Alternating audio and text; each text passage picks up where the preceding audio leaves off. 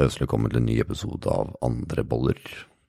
Og I dag Børge, så har vi jo fått en del lytterspørsmål. Vi tenkte liksom bare kjøre i gang med det med en gang. Men før, før det, før det Børge, før det, før det. Så sa du før vi skulle satse på Du Kan ikke du ta og lese på sånne Facebook-innlegg du hadde skrevet her om dagen?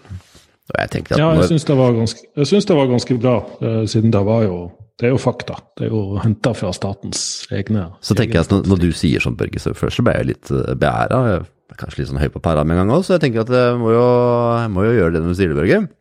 Ja. Og jeg skrev selvfølgelig her om dagen, så skrev jeg fra FHI sin side, altså Folkehelseinstituttet sin side. Vi har nå hatt 1532 innlagte på norske sykehus siden mars.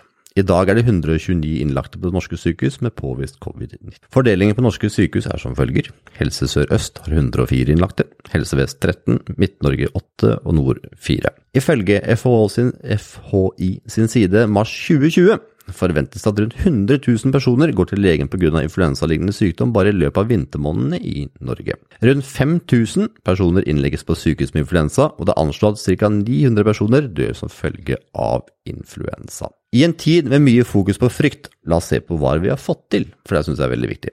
Om jeg forstår FHI riktig, så innlegges det rundt 5000 personer årlig av influensa. Når vi så langt har klart å utrydde influensa, det er to stykker jeg leste i en rapport i går, det er to stykker hittil i år, Mm. Eh, og begrenset til 1532 innlagt med covid-19 så langt, må jeg vel kunne si, Børge, til oss selv, at dette har vært en formidabel innsats.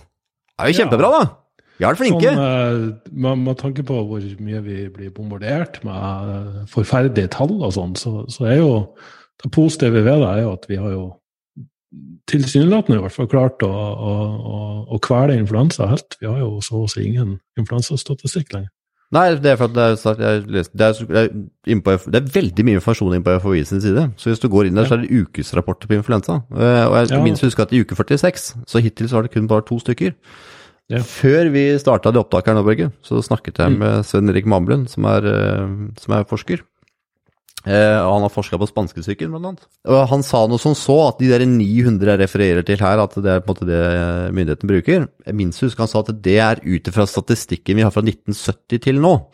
Og hvor mm. mange som har eh, omkommet av influensa. Men vi har hatt, ut fra hans utsagn, vi har hatt år som det har vært nesten oppi 2000 mennesker altså, som har gått bort av influensa som i løpet av et år som har vært ganske, vi har vært eh, hardt ramma. Mm. Han, han, sa her det var kun noen få år siden så var vi oppe i 1600-1800 stykker. Så vi har også hatt, hatt mange flere.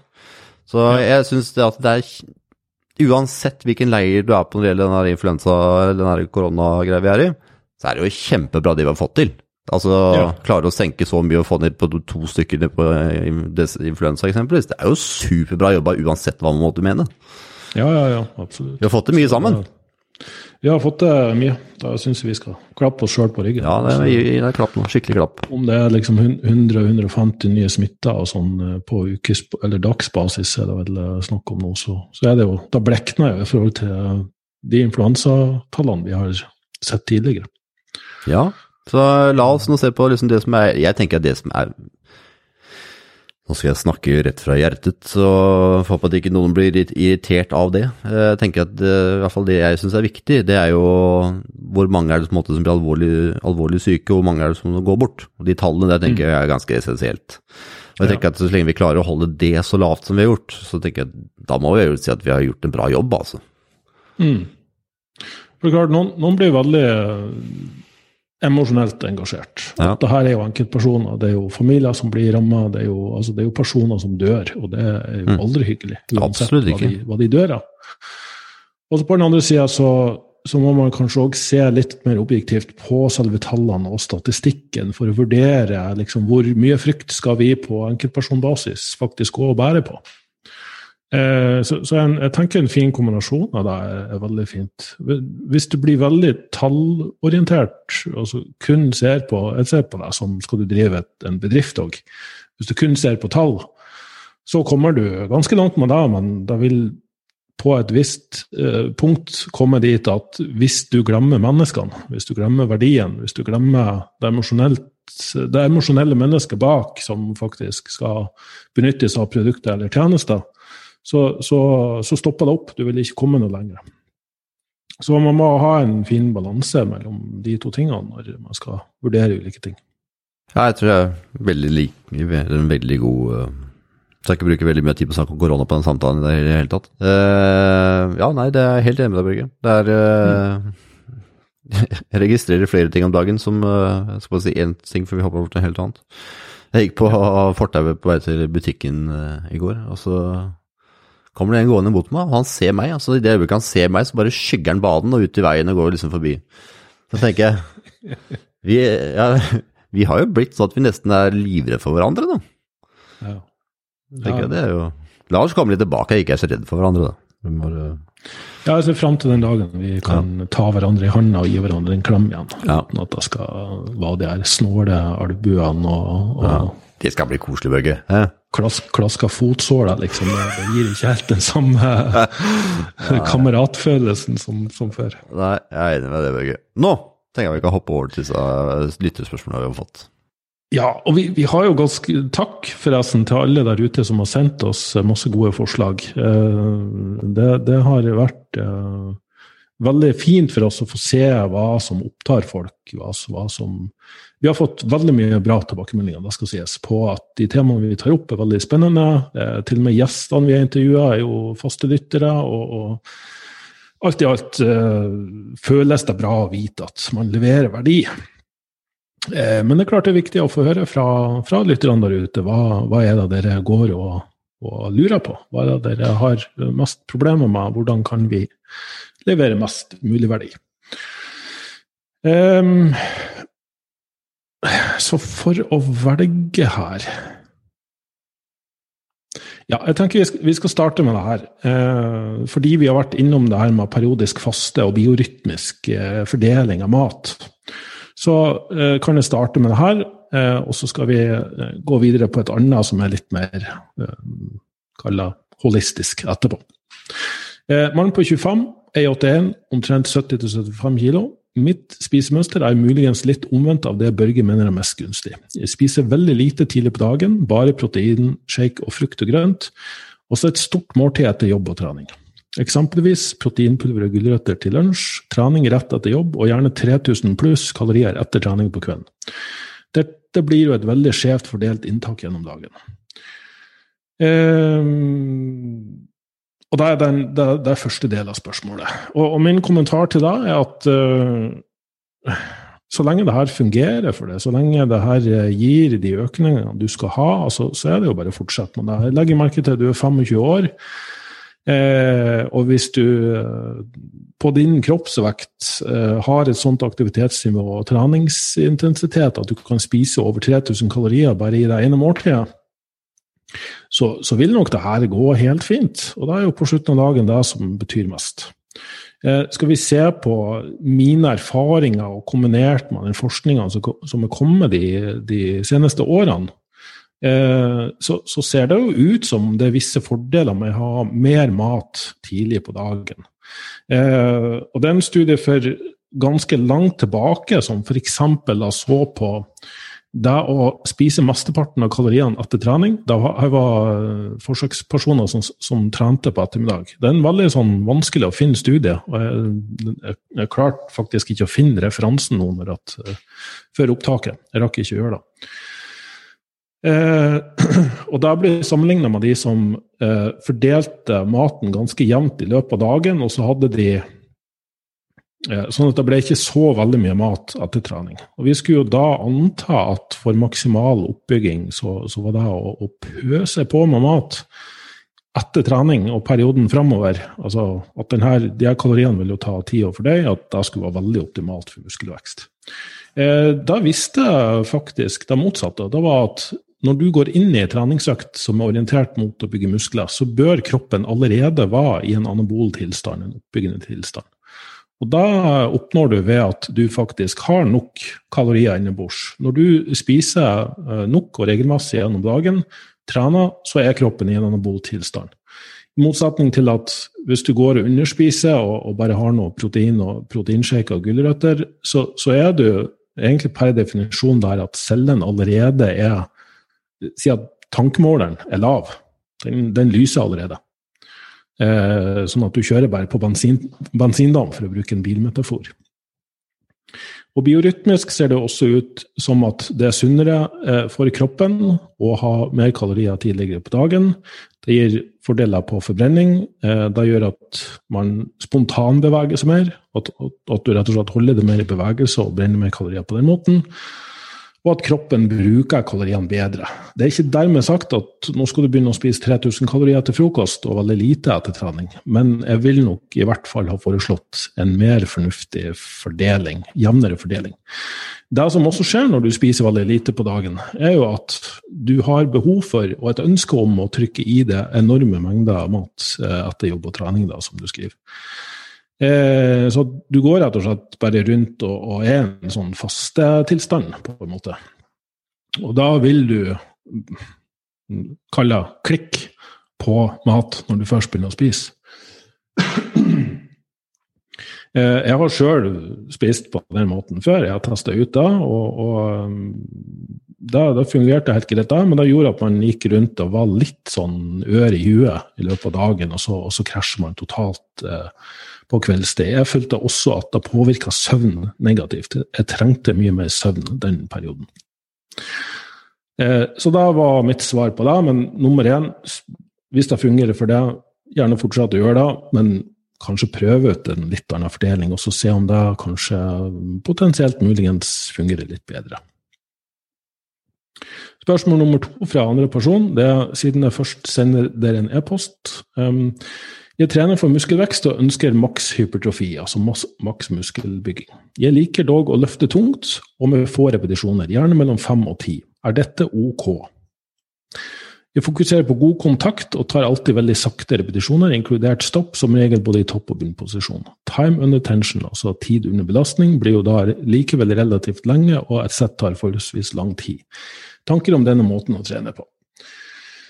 Eh, Løfte tungt man får repetisjoner mellom fem og ti. I seg sjøl er faktisk veldig ok. Det er Forskning viser at det er sannsynligvis det aller beste området, der du får kombinasjon av eh, nok mekanisk belastning, mekanisk drag på muskelen. Eh, og så er det noe, hvis du trener med veldig mange repetisjoner og høyt volum, så kan det gi så mye utmattelse at det tar lang tid å restituere seg. og Dermed får du ikke trent muskelen ofte nok i forhold til hva som vi kan anta er optimalt. Men når du sier fem til ti repetisjoner, så ut fra forskning så er jo det med en normal repshastighet at du kontrollerer på vei ned, og så løfter relativt eksplosivt. Eh, når du tar veldig langsomme repetisjoner, så kan vi si at det her tilsvarer kanskje 10-15, kanskje opptil 20 repetisjoner med normal hastighet. Så, så, da er det egentlig et litt annet spørsmål.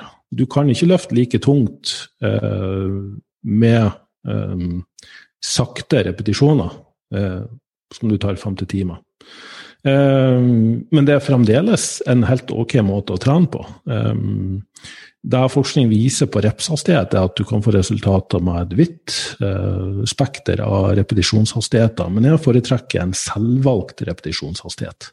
Sånn at hvis du ikke føler deg veldig trygg i en bevegelse, f.eks. knebøy føler meg sjøl veldig utrygg i, så utrygg at jeg har slutta å trene knebøy eh, i ganske mange år. Men skulle jeg ha trent knebøy, så hadde jeg sørga for å gå ned veldig sakte og kontrollert, og så løfte så hurtig som jeg føler at eh, ledd og rygg og sånn eh, tillater. Mens på biceps curl gidder ikke å løfte like sakte og kontrollert. Eh, så, så, jeg tenker det er bedre enn å, enn å, bevisst skal gå inn og telle repetisjoner. Det kan faktisk begrense hvor, hvor, mye du klarer å prestere. Hvis, hvis du går inn og, og, prøver å blande for mye borti kroppens eh, ja, måte å bevege seg på og håndtere vekter på. Det med mat og når matinntak og sånn, Børge. Mm kan det være ganske sånn personlighetsavhengig? For uh, hear, me, hear, me, out nå. Det at jeg har jo da to sønner. Uh, og den ene er skrubbsulten i det øyeblikket han står opp av senga nesten og skal ha frokost. Og spiser forholdsvis jevnt i løpet av dagen. Han andre er så å si aldri sulten når han står opp, og spiser så å si største måltid til middag. Det er ikke tull, han, spiser nesten ikke, han er seks år og spiser nesten i nærheten av hva jeg spiser til middag. Men det er hans desidert største måltid. Han har selvfølgelig tilbud om mat hele tiden ellers når han trenger å få mat. Men det er bare at han helt klart har alltid vært sånn, spiser desidert mest til middag. er det sånn at vi på en måte er sånn nå, eller at vi, noen er sånn som liker å spise frokost og er sultne og spiser jevnt, mens andre bare er, spiser bare større måltider? Det er to svar på det spørsmålet, eller to aspekter. Det ene er at hvis du allerede spiser veldig mye veldig sent, eh, så er du ikke sulten dagen etterpå. Fordi kroppen bruker fort 10-12 timer på å fordøye et stort måltid, og, og kanskje ennå to til fire timer på å bli sulten. Det er mange som, som er de, de, sier de er ikke frokostmennesker. Eh, og da er gjerne sånne som bare Nettopp fordi man blir litt høy på endorfiner og stresshormoner, kortisol, på å skippe frokost og spise lite. Ja, da går kroppen igjen sånn, gå ut, gå, ja, gå ut og finne matmodus. Eh, eh, Avhengig av alder, avhengig av helse, avhengig av metabolisme generelt, så, så, kan det gå helt fint. Du kan drives greit av stresshormoner, fordi det er egentlig det du gjør. Hvis du måler stresshormonene i her personene, og det har de gjort i, i studier, så, så, har de høyere nivå av det. Så det kan gå greit. Um, over lengre tid, og når man blir eldre, og hvis man, har, hvis man er kompromittert på en eller annen måte, så det er ikke sikkert at det er like gunstig. Jeg har sjøl vært en sånn person. Skippa frokost, spiste lunsj. Eh, For mye energi da, Børge? en periode får man det. Da jeg etter hvert begynt å oppleve sjøl, og som jeg har coacha veldig mange på, som har testa det her ut, følt seg helt glimrende.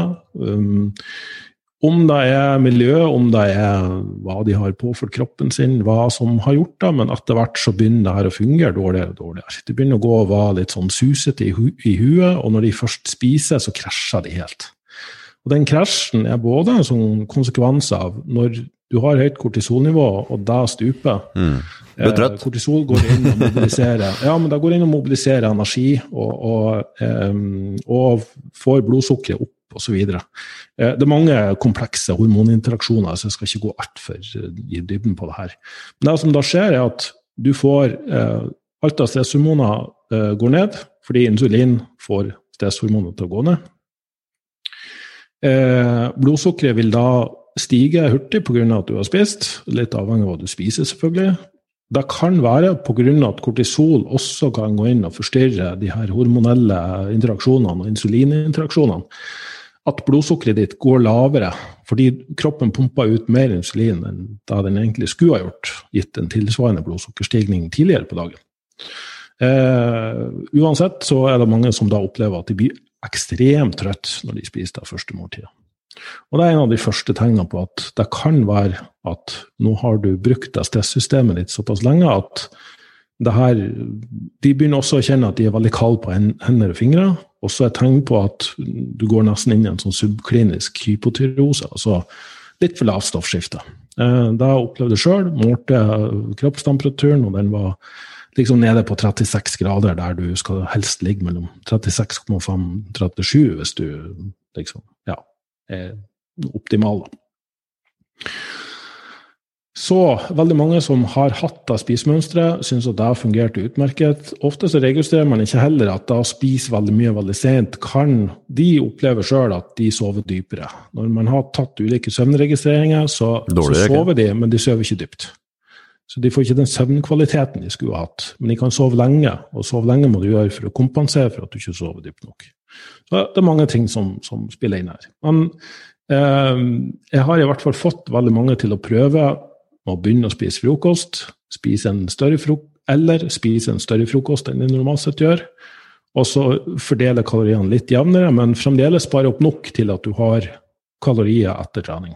Og, og jeg vil si i alle tilfellene. Jeg kan egentlig ikke komme på noen som i hvert fall, For det tar litt tid å tilpasse det her. Når du først begynner å spise mindre eh, sent på dagen, så vil du kjenne at du er sulten når du legger deg. Fordi du har jo egentlig ikke fått altså Kroppen er vant til å få mer, mer mat. da. Men etter tre til fem dager cirka, så, så, begynner det her å gå seg til, og da, da, har alle sagt at ok, det her føles mye bedre. Du, du, hadde på en måte rett i dag. Og dette er jo spesielt viktig for mennesker som sliter med angst, da, eksempelvis. De har jo veldig høyt kortisolnivå på morgenen, og da er det ikke noe hensiktsmessig å skal vente lunsj for å spise mat. Da er det liksom om å gjøre å spise mat så raskt som mulig. Så, det som også kan skje på lengre sikt, er hvis du går og, og har de her kortisolnivåene og rytmene. Eh, mange har jo, Det er en som har skrevet en veldig god bok om det, som går på liksom, det her med stoffskifter. Han kaller det the circadian T3 method. Eh, der noen ikke bare har lavt stoffskifte, men de har null kortisolproduksjon, eller veldig lav kortisolproduksjon, sånn at de føler seg helt oven og slapp uh, første del av dagen. Og Han har til og med også sett det her med folk som sliter med sånn utmattelse. Uh, så den metoden går ut på at kroppen er nødt til å se stoffskiftehormoner, altså hjernen og, cellen må ha en viss mengde TSH og T3 uh, på natterstid, mellom tre og seks om morgenen. Eh, så, så, de som da selvfølgelig får de her medikamentene hos legen, eh, de setter på en alarm, våkner tre-fire på natta, tar en liten dose stoffskiftehormon, og etter bare noen få dager så begynner kroppen å pumpe opp kortisonnivået om morgenen, sånn at det mobiliserer og får det i gang. Så, så igjen, det er et annet aspekt, og det har kanskje gått litt for langt i andre retninger. Men, eh, men ja, det, det, er komplekse greier. Så, så jeg bare oppfordrer folk til å kanskje tenke over når er du mest aktiv, hvordan føler du deg, og så tilpasse litt ut ifra det. Det er komplekst, men samtidig så er det den der, den der balansegangen det er det som er så veldig tricky, i hvert fall som jeg finner det tricky. I hvert fall, jeg vet jo når det gjelder f.eks. angst og stress, så er jeg forholdsvis godt uh, erfart der. og uh, jeg kan, ikke merke noe om morgenen, spesielt hvis jeg har sånn som jeg hopper over frokost og spiser lunsj og middag og kanskje ikke får spist så mye på dagen. Mm. Så kan jeg merke at jeg våkner opp litt sånn urolig på morgenen. Da kjenner jeg på en måte den der urolige følelsen i magen.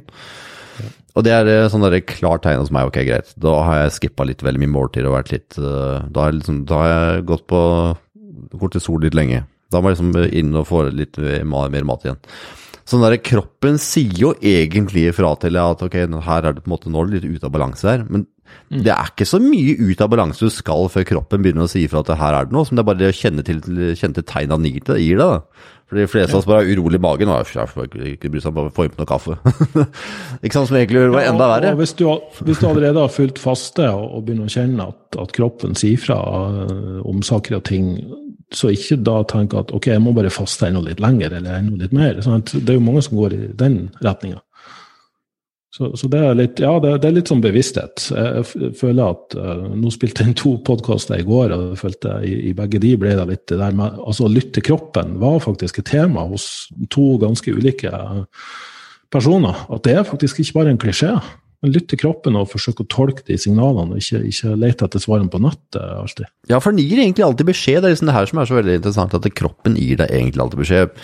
Jeg sitter mennesker som uh, sliter med angst, eksempelvis. Så er det Sånn at det, når panikkangsten har slått ut, så har du fått ganske mange sånne røde varseltegn før du kommer dit. altså. Det er ikke sånn at uh, plutselig da så våkner du opp, og så har du det. det er liksom Kroppen har sagt fra lang tid i forveien. ja, man har bare sånn- ignorert signalet. Ja, bare nei, jeg gidder ikke høre på den som har sagt det, den støyen der, gidder ikke høre på den. Så bare overser vi den, og så tror du bare så slår det Det gjelder jo egentlig alt, og som du sier, det med at man fryser på hender og føtter eksempelvis. Mm. Kan kjenne meg igjen der. Perioder der på en måte ikke rekker å få spist så mye. Det er det, og det er her som er litt interessant.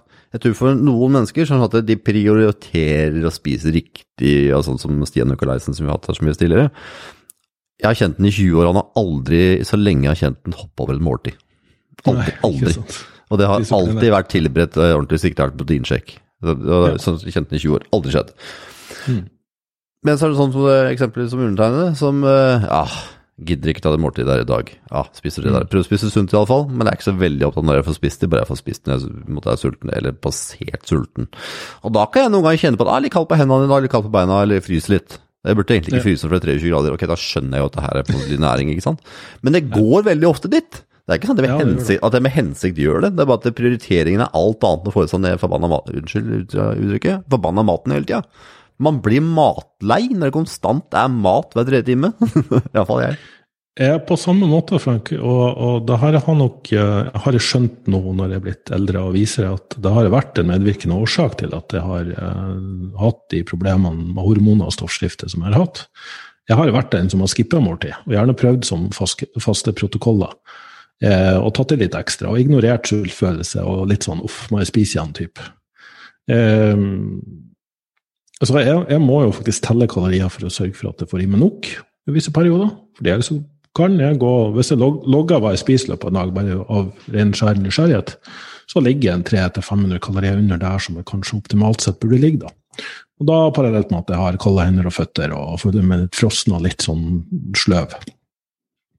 Så når jeg passer på å spise nok, eh, og selvfølgelig har jeg hatt noen kroppskomplekser og liksom skal ha en eh, holde vekt og, og, fettprosent så lav som mulig. Så eh, jeg, jeg kunne liksom gå ti av årets måneder på diett totalt sett. Mens to av månedene spredd utover én til to uker her og der var eh, kalorioverskudd, for nå skulle jeg jo Nå var jeg ferdig med diett, og ja, nå skulle jeg unne meg litt ekstra og gå litt opp i vekt og sånn. Så, så, det har vært huet mitt som har spilt inn der. Vel så mye som at min naturlige tendens er å skippe måltid, akkurat som du. Som sagt, jeg har mange ganger prøvd å være eh, Jeg skal ikke bruke ordet flink, for det blir helt fjollete å bruke, egentlig. Men uh, ja. spis når jeg tenker Ja, yes. Ja, yes. Disiplinert på noe som uh, egentlig for meg ikke er så jækla viktig. Men jeg har trodd det har vært veldig viktig. Så det er sånn at eh, hvis du innbiller deg selv at det her er viktig å gjøre, så funker det en liten stund, og så bare nei, faller du ut likevel. For det egentlig ikke er det ikke det som er så veldig viktig. Uh, og jeg tror det, er, tror det, er, det som mange går rundt og gir seg sjøl litt uh, juling for òg, da. Det at uh, ja. jeg burde spist den der frokosten, men jeg hopper over den. Og så, og så begynner man liksom å gå og male på seg sjøl noe som For det er egentlig ikke så veldig viktig for det. Ikke sant? Så at Man kan innbille seg at god form er deilig å være i god form. Det er, bare at det er så veldig mange andre ting også. Ja.